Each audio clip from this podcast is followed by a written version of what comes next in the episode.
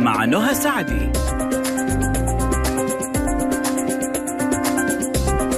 بسم الله الرحمن الرحيم. السلام عليكم ورحمة الله وبركاته. أحلى مستمعين مستمعي ألف ألف أف أم الموجة السعودية. مستمعي برنامج طبابة ألف اللي بيجيكم يوميا من الأحد للخميس بإذن الله. معي أنا نهى سعدي من الساعة 1 للساعة 2 بعد الظهر بنكون مع بعض لمدة ساعة. نستفيد من هذه الساعة آه طبيا صحيا وقائيا علاجيا. آه ناخذ ونعطي مع ضيوف وضيوفنا من النخبة والنخبة فقط من الأطباء والمختصين في مجالهم. آه تواصلكم معنا على صفر واحد اثنين ستة واحد ستة واحد واحد. صفر صفر. رسائلكم على صفر خمسة وخمسين ستة وستين ثمانية تسعة صفرين واحد. معك iPhone معك iPad معك أي جهاز نظام iOS ادخل على متجر Apple أو App Store حمل تطبيق ألف ألف FM. معك جهاز نظام أندرويد ادخل على Google Play حمل نفس التطبيق. فيسبوك تويتر انستغرام قناة اليوتيوب كلها على نفس الحساب ألف ألف FM. آه سناب شات على ألف ألف FM. live اللي ما سمع الحلقة من أولها حيلاقيها كاملة موجودة خلال يومين بالكثير. على قناة ألف ألف FM على منصة اليوتيوب. اليوم معنا ضيفة مميزة زي ما قلت لكم. حنستفيد منها مرة كثير وحنسأل كل الأسئلة اللي تيجي في خاطرنا وفي بالنا وإن شاء الله ما أقصر معاكم. آه بكالوريوس علوم آه السمع واللغة والنطق. آه أستاذة العنود الشهراني أخصائية التخاطب. حتكلمنا عن التأخر اللغوي عند الأطفال وزيادته أثناء جائحة كورونا. وبس خليني برضو كمان أقول لكم أنه اليوم معنا النهدي Care. يعني دائما في آه عرض في حاجة حلوة كده مرتبة يقدموها. بمناسبة اليوم الوطني عيادات النهدي Care بتقدم لكم عروض خاصة على الخدمات آه المقدمة في عيادات الجلدية التغذية النساء والولادة السكري والعيون. وأتوقع عندهم كمان عروض زيادة. اتصلوا وشوفوا. عشان تعرفوا العروض تقدروا تزوروا حسابهم على الإنستغرام Nahdi Clinics. تحجزوا تحجزوا أو تستفسروا بالاتصال على الرقم 9200 24673 9200 24673 أو عن طريق تطبيق عيادات النهدي Care كيف صباحك أستاذ علوم أول شيء؟ الحمد لله بخير بشوفتكم والله. الله يسعدك يا رب. عشان تكونوا عارفين مجالات الخبرة عند أستاذة العنود التوحد وفرط الحركة التأخر اللغوي شلل النصفي متلازمة داون الشفة المشقوقة وقصور السمع وكمان تصحيح مخارج الحروف اللدغة وتأهيل ما بعد الجراحة والتلعثم التأتأة. آه هذه أشياء كلها إحنا بنشك فيها وبنشوفها بنشك فيها وبنشوفها. وبيصير في تشخيص أول تشخيص بيكون في البيت خلينا نقول كل هذه الأمور. لكن إحنا اليوم بنتكلم عن التأخر اللغوي. خلينا أول حاجة نعرف إيش يعني التأخر اللغوي نتعرف على المشكلة نفسها. تمام. آه بداية التأخر اللغوي بيكون عند الأطفال آه هو بس عبارة عن أنه الطفل ما بيتكلم حسب المطلوب من عمره الزمني. م. لنفترض أنه كان عمره سنتين بيكون مطلوب منه يقول لي كلمات واضحة شبه حقيقية بس يكون مفهوم هو إيش اللي يبغى منها. والمفروض يكون عنده جملة تقريبا مكونة من كلمتين. فإذا كان أقل من كذا بكثير فبنقدر نقول إنه عنده تأخر لغوي. امم يعني من هذا الكلام أنا أقدر أقدر أميز إنه إنه درجات التأخر اللغوي لأنه إحنا بنقول جملة يمكن يقول الجملة بس مو بطريقة صحيحة فهذه بتكون درجة أخف. صحيح غير فعلا. اللي ما بيتكلم نهائيا. صحيح أكيد. سنتين. سنتين سنة ونص كمان وعندنا اللي هو أكثر من كذا بكثير. أحيانا بيجونا أطفال عمرهم ثلاثة أربع سنين وما عندهم مخزون لغوي كافي. يعني بيتكلموا بمثلا نقول عشرة كلمات الحصيلة اللغوية عندهم. فهذا م. بيشخص أنه تأخر لغوي شديد جدا. م.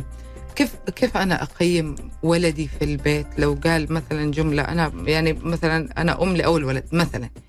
آه ما حعرف يعني كيف كيف مين استشير؟ ما حعرف إذا هو قالها صح أو قالها غلط أو كيف أقدر أعرف؟ كيف أقدر أقيم المشكلة من البيت قبل المستشفى قبل ال ال ال التخصص يعني؟ صحيح سؤالك مرة حلو الصراحة لأنه أغلب الأمهات عندي فعلا بيكونوا أول بيبي عندهم وما هم عارفين هو أول واحد الورطة. أيوه بيكون هو على قولتهم فار التجارب أول بيبي فهم ممكن يطلعوا على مصادر صحيحة أوكي؟ تكون موثوقة وتكون دراسات علمية.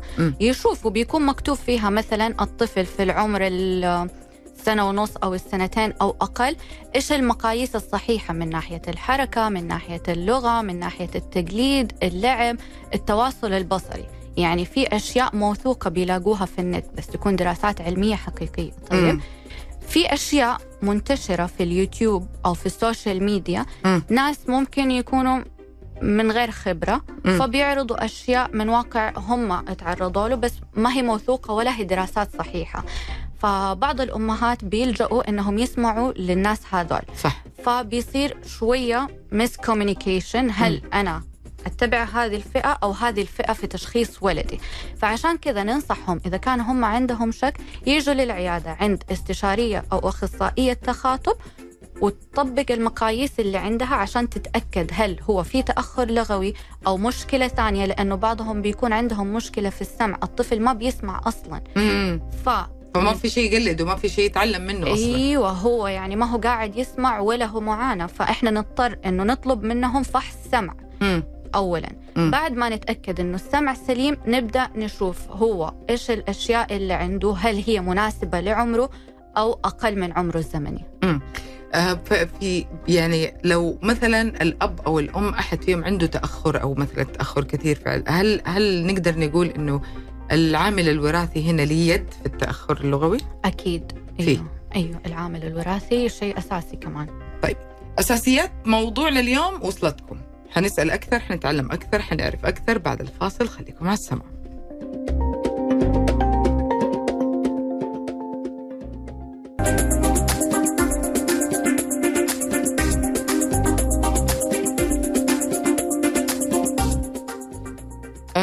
رجعنا لكم ومكملين معاكم موضوعنا اليوم عن آه، التأخر اللغوي عند الأطفال وكيف زاد أو إذا زاد أصلا أثناء جائحة آه، كورونا.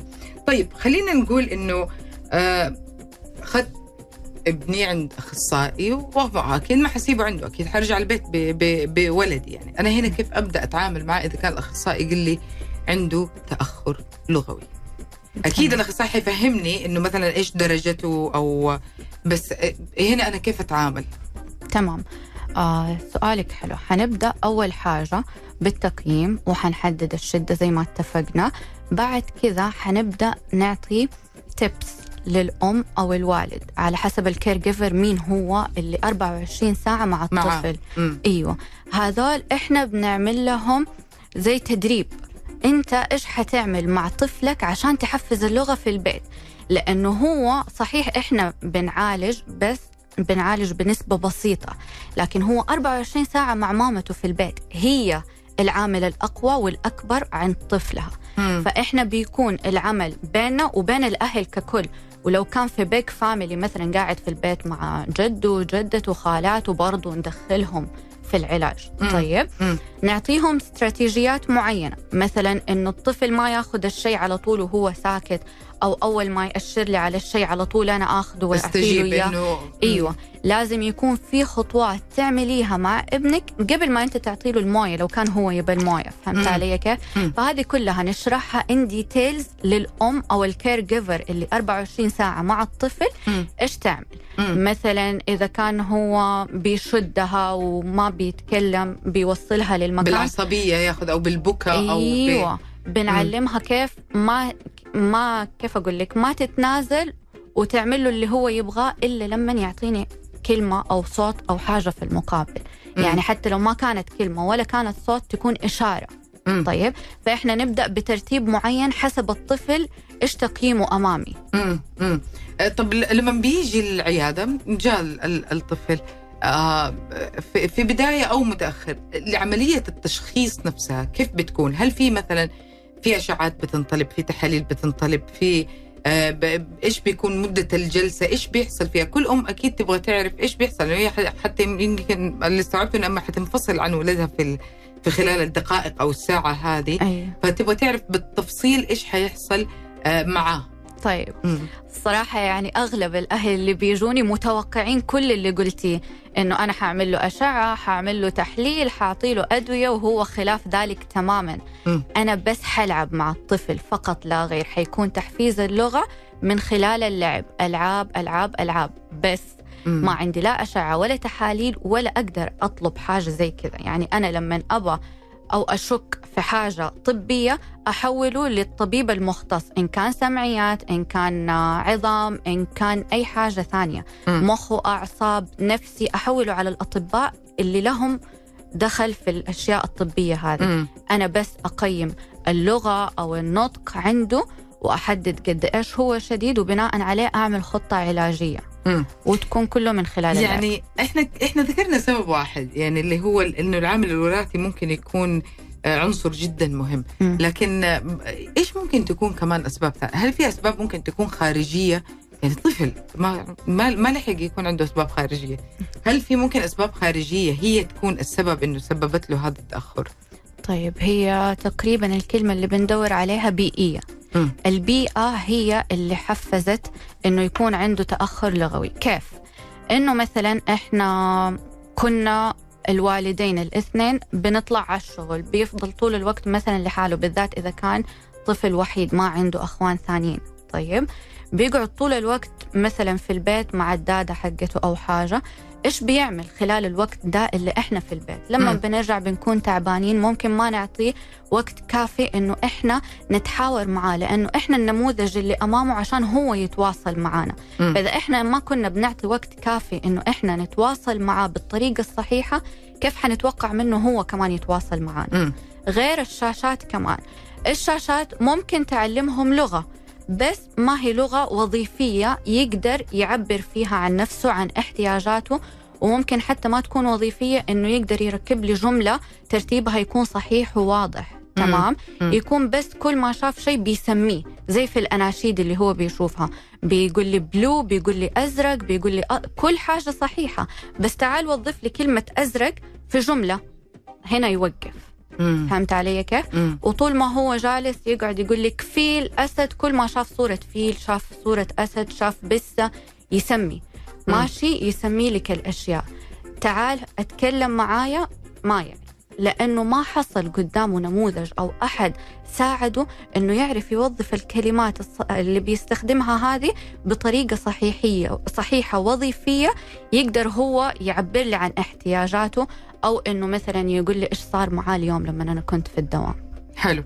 في أسباب ثانية ممكن تكون مؤثرة. يعني مثلا خلينا نقول كثير من الأهالي يلوموا نفسهم لكن سبحان الله هي حياتهم. مثلا في ناس ممكن تتفق إنهم يكونوا مع بعض لكن ينفصلوا يختلفوا سواء في الولد الأول أو الثاني يمكن قبل ولادته يمكن بعد الولادة حتى مباشرة. هل هذه ممكن المؤثرات النفسية؟ ممكن تكون عامل مباشر للتأثير على الطفل في التأخر اللغوي؟ فعلا. المشاكل الأسرية والأشياء إذا حصلت قدام ال- الطفل بيتأثر نفسيا. أحيانا بيجي له زي اللي هو الصمت الاختياري. يعني ما بيتكلم إلا وقت ما هو يبغى طيب؟ مم. فأغلب الأهل بيخافوا إنه مثلا ابني كبر وهو مرة ما بيتكلم معايا بس في أوقات بتجيله بيتكلم. بيكونوا ماخذينه على كيف أقول لك؟ الطبيب مخ واعصاب كاشفين على السمع عاملين كل الأشياء اللي مطلوبه منهم وكلها طبيعية. مم. طب ليه ابني ما بيتكلم؟ يعني الط- الطبيعي إنه حيكون هذا السؤال لكن إحنا يمكن ننظر في حياتنا الأول يا جماعة. ونشوف إحنا إيش إيش ممكن يكون التأثير. وكلها إن شاء الله مشاكل آه، محلولة في الأخير. آه، اختلاف اللغات أو اللهجات بين الأب والأم. يعني يكون الأب من لغته غير، الأم لغتها غير، والجدة كمان لغتها غير، هل تعدد اللغات حول الطفل ممكن تسبب عنده تأخر؟ الصراحة مو شرط. إذا كانوا بيعملوها بطريقة صحيحة. طيب يعني أغلب الدراسات دحين بتقول لك إنه إذا أنت تبي تكوني بتعلمي طفلك لغتين في نفس الوقت الأم تتكلم باللغة العربية تماما والأبو بيتكلم باللغة الإنجليزية تماما عشان يتعلم من الأبو الإنجليش ويتعلم من الأم العربي. فاهمة علي كيف؟ مم. لكن إنه أنا أقعد أكلمه mix في ال sentence حقي أو الجملة حقي أتكلم معاه شوية English شوية عربي شوية English شوية عربي هنا بيحصل confusion مم. طيب أ- أنت إيش تبيني أتكلم معاكي مم. مم. يعني الط- ال- الطفل إحنا ممكن نقول إنه في في ناس مرة مهتمين لكن ما ننكر إنه في أهالي ممكن يوصل ابنهم لين أربع وخمس سنين.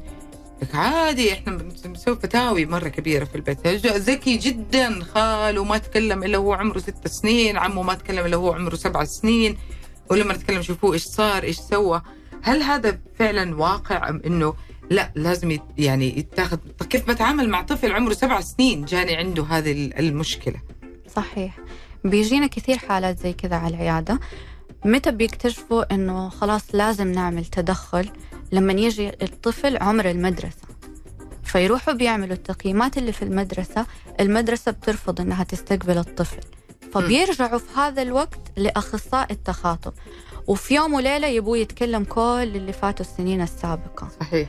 فاحنا دائما بننصح الأهل إنه ما يستنوا لأنه كل طفل عنده مقدرة خاصة فيه. يعني ممكن ابن عمه ولا عمه صحيح صار معاه دا سيتويشن وتكلم لكن مو بالشرط الأساسي إنه حتى الثاني حيكون بنفس النظام. حسب إيش البيئة اللي عنده حسب إيش الأشياء النفسية اللي بيتعرض لها التحفيز اللغوي اللي عنده أشياء كثيرة. ممكن تخليه زي عمه ممكن لا هو حيفضل طول الوقت متأخر لغويا وهذا الشيء حيعمل له بعدين صعوبات تعلم لما يوصل للمدرسة كمان يعني حتى لو انقبل ودخلوه في المدرسة حيضطر ياخذ كلاسز اللي هي حقت صعوبات تعلم مم. عشان يقدر يوصل لمستوى أقرانه من نفس سنه.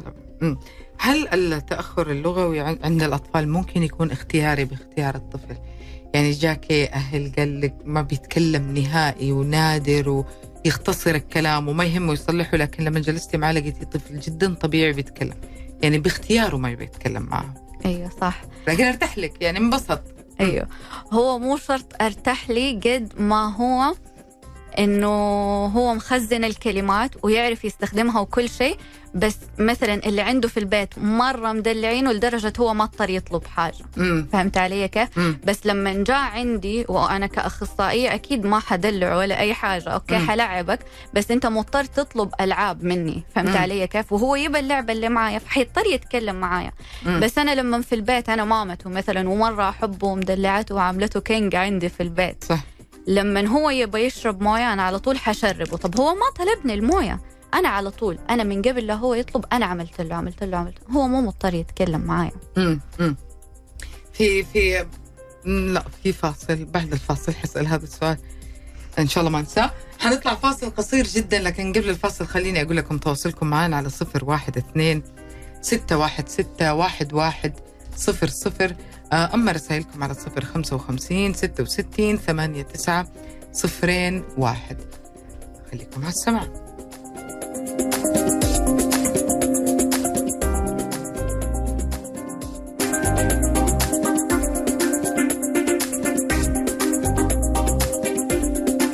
مكملين معاكم وخلينا قبل ما نرجع نستمر في موضوعنا أذكركم ب آه، عيادات النهدي Care إيش بتقدم لكم هذا الأسبوع؟ بمناسبة اليوم الوطني عيادات النهدي Care بتقدم لكم عروض خاصة عن الخدمات المقدمة في عيادات الجلدية التغذية النساء والولاده السكري والعيون. عشان تطلعوا على العروض تقدروا تزوروا حساب الإنستغرام Nahdi Clinics. تحجزوا تستفسروا على ال... بالاتصال على رقم 92 00 2463 92 00 2463 أو عن طريق تطبيق عيادات النهدي كير. آه نرجع لموضوعنا. من من حالات أنا شفتها آه وهي وعكسها. يعني سبحان الله يعني سمعت عن ما, أعرف كيف تم علاج المشكلة بس يعني سمعت عنها. سمعت أمهات يقولوا آه ولدي يرغي كثير في البيت ويتكلم مرة صح لما يخرج مع أصحابه أو في المدرسة ما يتكلم مع ولا أحد. يعني لدرجة تصير ما عارفة كيف تقنع المدرسين عنده إنه ترى يتكلم بيرفض تماما. حتى مثلا لما يلعب مع والعكس. يعني تيجي أم تتصل تقول هذيك اليوم ما سكت يرغي مع أولادي في البيت رافض يتكلم. إيش بي هل هذه تعتبر تأخر أو هنا إيش إيش اللي صار هنا؟ طيب تمام. مرة حلو سؤالك الصراحة يعني. بيعتمد مرة كثير. إذا كان هو فعليا فصيح في الكلام وكلامه تمام وكل حاجة هذا بيجي تحت بند اللي هو صمت اختياري. فهذه حاجة سايكولوجيكال فهي بتعتمد على إنه أخصائي التخاطب والأخصائي أو الطبيب النفسي يشتغلوا مع بعض على هذه المشكلة. طيب واحيانا بتكون مشكلة نفسية اللي هي رهاب اجتماعي. أنا لما أشوف الناس أتوتر. أبدأ يا إما أتلعثم أو إنه أحس خلاص الدنيا حر وخلاص أتوتر مرة وما ابى أتكلم. يعني في ال... الأماكن العامة مثلا لما يكون public speak قدام المدرسة أنا بعمل presentation مثلا هنا أحس مثلا يجيني زي نوبات قلق وهلع. أعمل withdraw منها. خلاص أنا ما ابى أتكلم. فهمت علي كيف؟ فهذه إذا كان هو منطلق حسب كلام الأهل أو حسب كلام المدرسة بيعتمد يا إما هو صمت اختياري إنه أنا ما بتكلم معاكي انت أو ما بتكلم في المكان هذا لكن أنا عادي أتكلم في المكان هذا. أو في الوقت هذا وقت ما أنا ابى. طيب هذا الصمت الاختياري. الرهاب الاجتماعي عادي أنا بتكلم في كل مكان. لكن في بعض الأوقات أو بعض المواقف تخليني أتوتر. مم. فأنا أحس أنا ماني قادرة أتكلم زي ما أنا بتكلم في الوضع الطبيعي لما أكون مرتاحة مم. مم. يعني خلينا نقول هنا هنا بي بيتغير الموضوع بيبعد عن التأخر اللغوي لكن بيقرب أكثر من إنه في مشاكل نفسية مثلا معينة بتكون مختلفة مو بالضروري يا جماعة تكون إنها مشاكل ضخمة أو شيء زي كذا لكن مشكلة من نوع مختلف يعني معالجة ويتم حلها آه من الأشياء برضو اللي أنا سمعتها إنه ابني ما بيسكت وما بيت وبيتعلم كل شيء جديد وباوقات بيتعدى حدوده في الأشياء اللي اللي يتعلمها ويبدأ يختبر كلمات أكثر على الأشخاص اللي أكبر منه بمصطلحات أضخم. هنا ما بنتكلم على مصطلحات التعدي أو شيء زي كذا حتى لو كان في منها إلا إنه إحنا بنتكلم على إنه خلينا نقول زايد الفصاحة. يعني فيلسوف أكثر من ال- ال- اللازم. آه، هل هذه برضو يعني إيش ممكن يكون وراها؟ إيش ممكن؟ يعني بدل تأخر عنده تقدم في اللغة. أيوه ما شاء الله. في بعض الأطفال حقيقي يفاجئوك بمصطلحات نقدر نقول دائما أكبر من سنه إنه فين أتعلمها. طيب. هدول بيكون عندهم زي ال topic maintenance هم الكلام هذا بيقولوه في أي وقت في أي زمان ما بيعرفوا يوظفوا الكلمات هذه في وقتها الصحيح. طيب فبيجي هذا الموضوع عندنا إحنا كأهل إنه لما إحنا نبى ندرب طفلنا إنه نتكلم في موضوع واحد نحدد له مثلا موضوع اليوم حنتكلم عنه دقيقة أو دقيقتين بس حاول ما تروح تتكلم عن حاجة ثانية فجأة. طيب؟ مم. فهذه يبغى له تمارين إنه إحنا نركز في الموضوع هذا. طيب؟ مم. يعني مثلا إحنا بنتكلم عن المدرسة اليوم ما حيكون مقبول منه إنه إحنا بنتكلم عن المدرسة يقول لي بابا أمس وداني البقالة. لا إحنا بنتكلم عن المدرسة. ليه بتحكيني أمس إيش صار معاك امم يعني جميل إنه غطينا كثير من المشاكل ممكن نشوف إنها هي مشاكل لغوية يعني حتى عند الأطفال. آه خلينا نتكلم عن العلاج لأنه كثير أكيد الآن بيسمعنا بيعرف طب أنا إيش ال- ال- الحلول؟ آه الحلول هل هي آه، دوائية تحفظية؟ هل هي علاجات جلسات كلها كلام؟ هل هي ممكن توصل لجراحة مكملات؟ إيش ممكن يكون أو واجبات يسويها في في المركز وفي في البيت. آه في, في الأخير إلا وأكيد أستاذ علوم جاتك أم تقول لك أي شيء بس ما أدخله مثلا مدرسة خاصة أو أو أعمل كذا سواء مثلا ماديا سواء إنه ما, ما أبغى ما أبغى أعترف. يعني كمان هي انت أنتوا بتعالجوا الاثنين الأم ولدها في دي في دي المرحلة يتهيألي بتشتغلوا على العائلة كلها. آه، إيش العلاجات اللي ممكن تكون موجودة؟ وهل في مثلا بدائل وممكن تكون أبطأ أسرع؟ تمام. آه بالنسبة للي ذكرتيه كله صحيح فعلا هي فقط جلسات علاجية ما فيها لا أدوية ولا جراحة. طيب الجلسات العلاجية هي بتكون عبارة عن مثلا أنه تمارين معينة حسب الحالة. إذا كانت تأتأة أو تأخر لغوي أو مخارج نطق. طيب مم. كل واحدة لها طريقتها لكن كلها تجتمع في نقطة واحدة اللي هي بتكون عن طريق اللعب فقط بيكون برضو اللي هو تدريب للأهل عشان يتعلموا إيش يعملوا هم في البيت لكن لما يجيني أحد يطلبني أكتب له أدوية أو يقول مثلا المكمل الغذائي أو الأوميجا 3 تسرع في الكلام أو نطق ولدي مم. هذه الدراسات أثبتت أنه الموضوع ما له علاقة بالنطق تماما ممكن أنه تتدخل تحت أنه تخليه مركز أكثر زي كذا لكن أنه يتكلم بدري لا مم.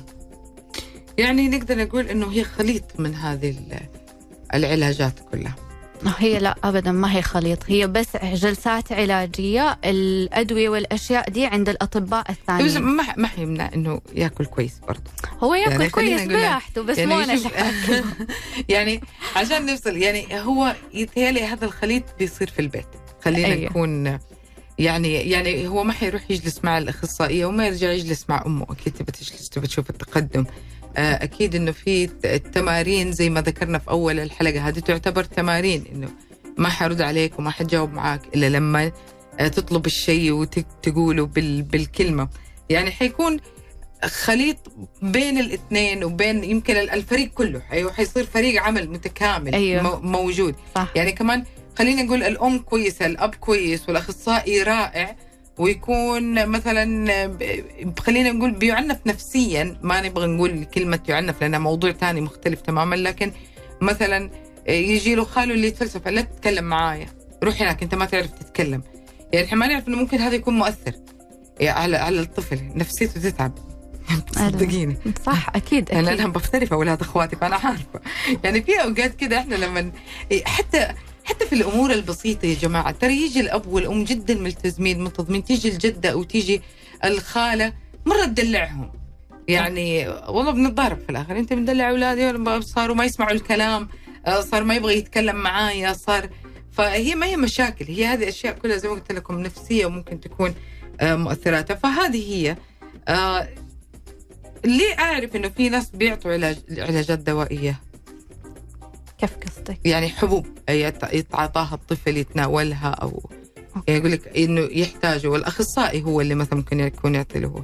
طيب على حسب الأخصائي أولا على حسب إيش الشهادة اللي معاه ثانيا وهل هو طبيب أو أخصائي. امم طيب الطبيب النفسي طبيب الأطفال آه، طبيب المخ والأعصاب هم اللي بيوصفوا الأدوية. أخصائي التخاطب ما بيوصف أدوية. امم أوكي. وكمان ما بيشخص توحد ولا فرط حلو حركة إنك وضحتي لهم هذا الشيء عشان أيوه. لا يقترح اي حلو حلو. أيوه. فهذه بتدخل تحت برضو بنود وزارة الصحة. يعني أنا هذا بيعتبر violation لو أنا قلت لها خذي الحبة الفلانية عشان تساعده. لا. هنا خط أحمر. أنت أخصائية تخاطب. ليش كتبتي حبة لابني. تمام؟ كم- نصحتي حتى فيها. أيوه بالضبط. أو إنه تجيني طب آه قولي لي هل هو عنده فرط حركة تشتت انتباه أو توحد؟ برضه هذه ما هي خار يعني هي خارج نطاق التخصص حقي. أنا لما أبى أعرف أو أبى الأهل يعرفوا إنه طفلهم عنده مثلا حاجة من الثلاثة هذول أعمل له ريفرل. للطبيب المعتنى بهذا التخصص. هو اللي يشخص ويقيم. تجيني ب report منه تقول لي الطبيب الفلاني قال شخص كذا. أيوه, أيوه.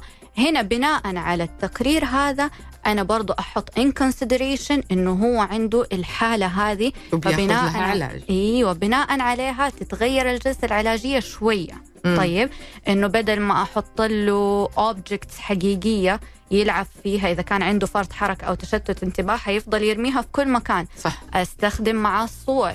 طيب صور لأشياء حقيقية من روتينه اليومي وأبدأ أزيد عنده اللغة أو أوظف اللغة اللي عنده في الكلام حسب هو إيش محتاج. جميل. يعني عرفنا كمان في هذه الحلقة يا جماعة إنه آم آم إنه ممكن تكون تابعة لحالات ثانية وممكن تكون في حالات مختلفة وبرضه حتعدي على أخصائي التخاطب في هذه المرحلة أو اللي قبلها أو اللي بعدها. حنطلع فاصل وراجعين مكملين معاكم. خليكم مع السماء آه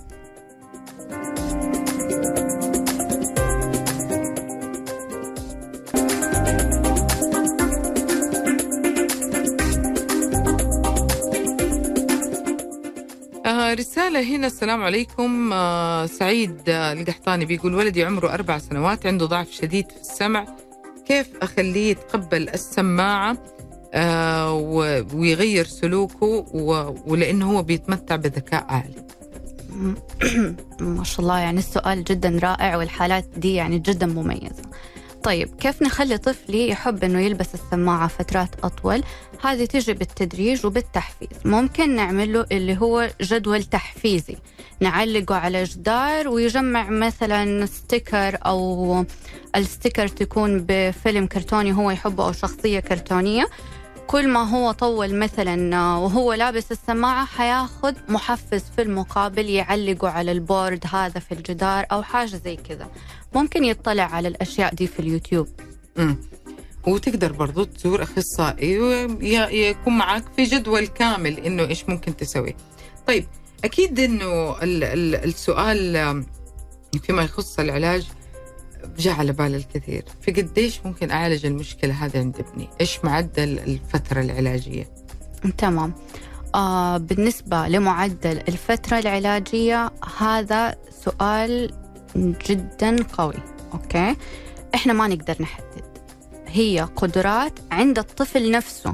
ما هي عندنا إحنا ولا عند أي أحد ثاني. نفس الطفل هو اللي بيحدد مجرى التقدم في حالته. طيب في أطفال ممكن هم ما شاء الله تبارك الله لقطوا كل الأشياء وخلصوا في شهر أو شهرين أو أقل وفي أطفال لا بياخذوا وقت أطول. فهو ممكن يعني يوصل لسنين يعني. ممكن أيوه. مم. طيب فايش اللي بيحدد إنه إحنا خلصنا ولا لا؟ الأهداف اللي إحنا حطيناها من البداية. خلص الهدف هذا انتقلنا للي بعده انتقلنا للي بعده وصل للعمر الزمني اللي نفس آه عمره يعني ال- الحقيقي يعني. خلاص العمر اللغوي وصلناه للعمر الزمني حقه. هنا نقدر نقول له مبروك أنت انتهيت من كل الجلسات حقتك ونعمل طب إذا ما. انتهى هذه تعتبر حالة غير معالجة يعني ممكن يكون؟ لا. ما في حالة غير معالجة. ممكن يكون في أشياء مؤثرة زي ما قلنا تشتت انتباه عدم تركيز التوحد كمان. هذول بياخذوا فترات أطول في العلاج. طيب.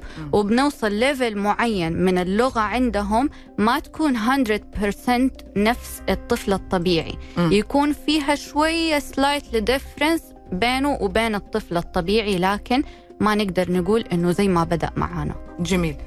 آه يعني وعدنا المستمعين من الصباح إنه آه نوضح العلاقة بين جائحة آه ال- ال- الكورونا الكوفيد 19 وإذا كان لي أي علاقة بالتأخر اللغوي وخصوصا للأطفال اللي كانوا ال- السنتين اللي فاتت هذه كانوا بيعدوا في المرحلة اللي هي المفروض ينطقوا فيها ويتكلموا فيها صح. وتكون آه لغتهم صحيحة فيها. أو اللي كمان وقفت وقف علاجهم بسبب إنه ما بيروحوا أو ما بيرجعوا. فنبغى نوضح العلاقة.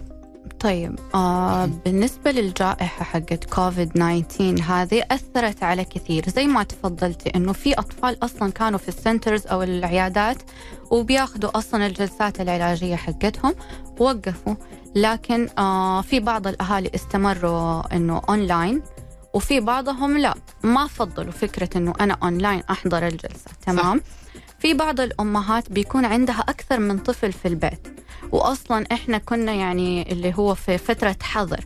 فأنا أصلا already أنا نفسيا تعبانة. فأنا ما عندي القدرة النفسية أو التعامل مع أيوه يعني أنا نفسيا وجسديا أنا ما في حيل إني أنا أركز مع كل الأطفال في البيت. خلاص هم أهم شيء أكلوا شربوا ناموا. طيب مم. في أطفال ثانيين خلاص آه مثلا أهالي ثانيين قصدي أطفالهم مزعجين أو حركيين بزيادة. فبدل ما أنا أقعد أجري وراه وأقعد أقعد أقعد أعمل له شاشة في مثلا الصالة مم. أو غرفة النوم وأقعد أتفرج 24 hours الين ما تنام مم. أهم شيء أنت أكلت شربت وتفرجت وقاعد هنا ومرتاح خلاص مم. أوكي فهذه الأشياء البديلة اللي كل واحدة اختارتها أو عملتها أثرت بطريقة مباشرة أو غير مباشرة على طفلها مم. تمام. فبعد ما خلصت الجائحة وبدأنا إنه نرجع زادت الحالات عندنا في العيادات وال centers مم. كلها بسبب إنه أنا ما كان عندي وقت كنت ابى أطبخ كنت ابى أنام كنت ابى وقت لنفسي كنت ابى وقت للأطفال الثانيين اللي أكبر منه. فحطيته هو على الشاشات هذه. مم. فصار عندنا تشتت انتباه صار عندنا مثلا فرط حركة. المشاكل على أنواعها صارت. إيوه. plus اللي هو language delay لأنه أنا ما كان فيا حيل أنا نفسيا أنا كنت تعبانة ما ابى أتكلم مم. مم. يعني خلينا نقول إنه هو كيف تعاملوا الأهل في مع الجائحة ومع أطفالهم في هذا الوقت كان ليه باع كبير في التأثير في في العلاج أو في مثلا بداية المشكلة. يعني ما نبغى نخرج من الحلقة اللي إحنا كمان جايبين سيرة ناس معينين اللي هم يتعاملوا بضغط جدا نفسي وعصبية مع أولادهم اللي ما نطقوا. كيف ممكن يسبب في تفاقم الحالة وإنه يصير لها مضاعفات أكثر ومشاكل أكثر. يعني ابنه ما نطق يمد يده عليه. آه، يكون العقاب أكبر كثير من ال- ال- الموقف. يمكن حتى الطفل ما هو عارف إنه هو بيتعاقب بسبب إنه هو ما تكلم. يعني أنت ما تكلمت يعني تعاقب تعامل بطريقة مختلفة عن إخوانه أو حتى عن أصحابه. وهو ما عارف إنه قد كده آه انطلاقه اللغوي حيكون مؤثر أو أو مهم. نبغى كلمة للأهالي اللي بيتعاملوا بدي الحده مع الأولاد. طيب. اولا آه هذا طفل. ثانيا لما أنا أتعامل معاه بعنف أو أضربه أو أستخدم ألفاظ نابية معاه هو قاعد يخزن في هذه الفترة. لما يبدأ هو يتواصل معنا إحنا كأهل أو إذا إحنا دخلناه في مدرسة وصار يتواصل مع أطفال اقرانه يعني حيبدأ يستخدم النموذج هذا على أهله وأخوانه والأطفال خارج البيت سواء كان في مدرسة أو في مول أو في أي مكان. طيب فإحنا لازم نكون أهدى بكثير من كذا لأنه طفلي أنا الرول موديل حقه. أنا إيش قاعدة أعمل أمامه؟ هو بكرة حيعمله. مم. هو ما هو عارف هذا اللي تعلمه مني. فبدل ما أنا أعلمه الطرق هذه كلها أنا أكون إنسان صبور أكثر. أنا إذا عندي أشياء نفسية هو ما له علاقة. أنا ما جبته على الدنيا هذه عشان أحط أمراض النفسية فيه هو. تمام؟ أحاول أفصل بين مشاكلي والأشياء اللي أنا مأرقتني وأركز على طفلي كيف يكون. بيكبر في بيئة نفسية حلوة رايقة وأعلمه كيف أنا أبغاه يكون طيب. فبذلك حنلاقي الطفل بالعكس صار مطيع أكثر بيتفاهم مع الناس أكثر. بطريقة كده بولايت مرة وكل أحد يحب الولد مم. يعني خلينا نقول أو يمكن أنا كمان أزيد على هذه الاقتراحات يعني آه، رائعة آه، أستاذ العنود يسعدك. اليوم حقيقي استفدنا مرة كثير أذكركم إنه ضيفتنا كانت آه، الاستاذ العنود الشهراني اخصائيه التخاطب بكالوريوس علم السمع واللغة والنطق آه، مجالات الخبرة كثير آه ما شاء الله بين من التوحد لفرط الحركة لمتلازمة داون الشلل النصفي التأخر اللغوي آه قصور السمع تصحيح مخارج الحروف وغيرها. تكلمنا عن التأخر اللغوي عند الأطفال وزيادته أثناء جائحة كورونا. كثير إحنا بنكون سبب إنه أولادنا في حالة معينة وإحنا ما نبغى نعترف بهذا الشيء أو إحنا مو عارفين سوي هو أبو عصبي إيش سوي يا أمه سلبية هادية؟ ما ت... ما ت... يعني هو لما يشوفك ما تتناقشي أو يشوف الأب ما يتناقش ما يشوف التفاهم أكيد إنه حيتطبع بكثير وحيكون متأثر. فخلي كمان إحنا في في يومنا وحياتنا وقت إنه إحنا نزور الأخصائي الخاص بينا. خذ وقت اجلس مع الأخصائي بعدها. آه حتى لو كان أخصائي أنت ماخذ ولدك تقول له هل أنا كنت سبب؟ هل في شيء أنا أقدر أسويه أتغير فيه؟ حيسالك وحيقول لك كذا كذا ترى هو مشوار مرة بسيط وسهل وحقيقي صارت الدنيا عندنا كلها في بال باليوتيوب بال بال بالتواصل. صار كثير من ال الكشف والفحص والتشخيص ممكن يصير بفيديو آه مكالمه فيديو يعني مكالمة مرئية. فلا تبخلوا على نفسكم بإنه زي ما إحنا المسلسل أقل مسلسل بنتابعه مدته 25 دقيقة. فخلينا نقول تفرجت حلقتين. تكلم مع طبيبك أو الاخصائي شكرا لوجودك معنا اليوم. شكرا لك يا نهى ويعني تشرفت بلقائك. الله يسعدك. انبسطنا مرة كثير استمتعنا مرة كثير وكان متوقع إن نهدي كير دائما آه، أطبائهم وال- والمختصين من النخبة آه، بيقدموا أفضل ما يمكن أن يكون للمستمع بحيث انه يكون فاهم مستوعب واعي وينتظروا اتصالاتكم واستفساراتكم آه، على تطبيقهم أو على رق- أرقامهم اللي إحنا ذكرناها. على أمل يتجدد لقائي فيكم بكرة بإذن الله في حلقة جديدة من برنامج تنفس الساعة 11 الصباح شكرا عبد العزيز الحين معنا من الإخراج كنت معكم نهى سعدي في أمل كريم وانتبهوا لبعض. thank you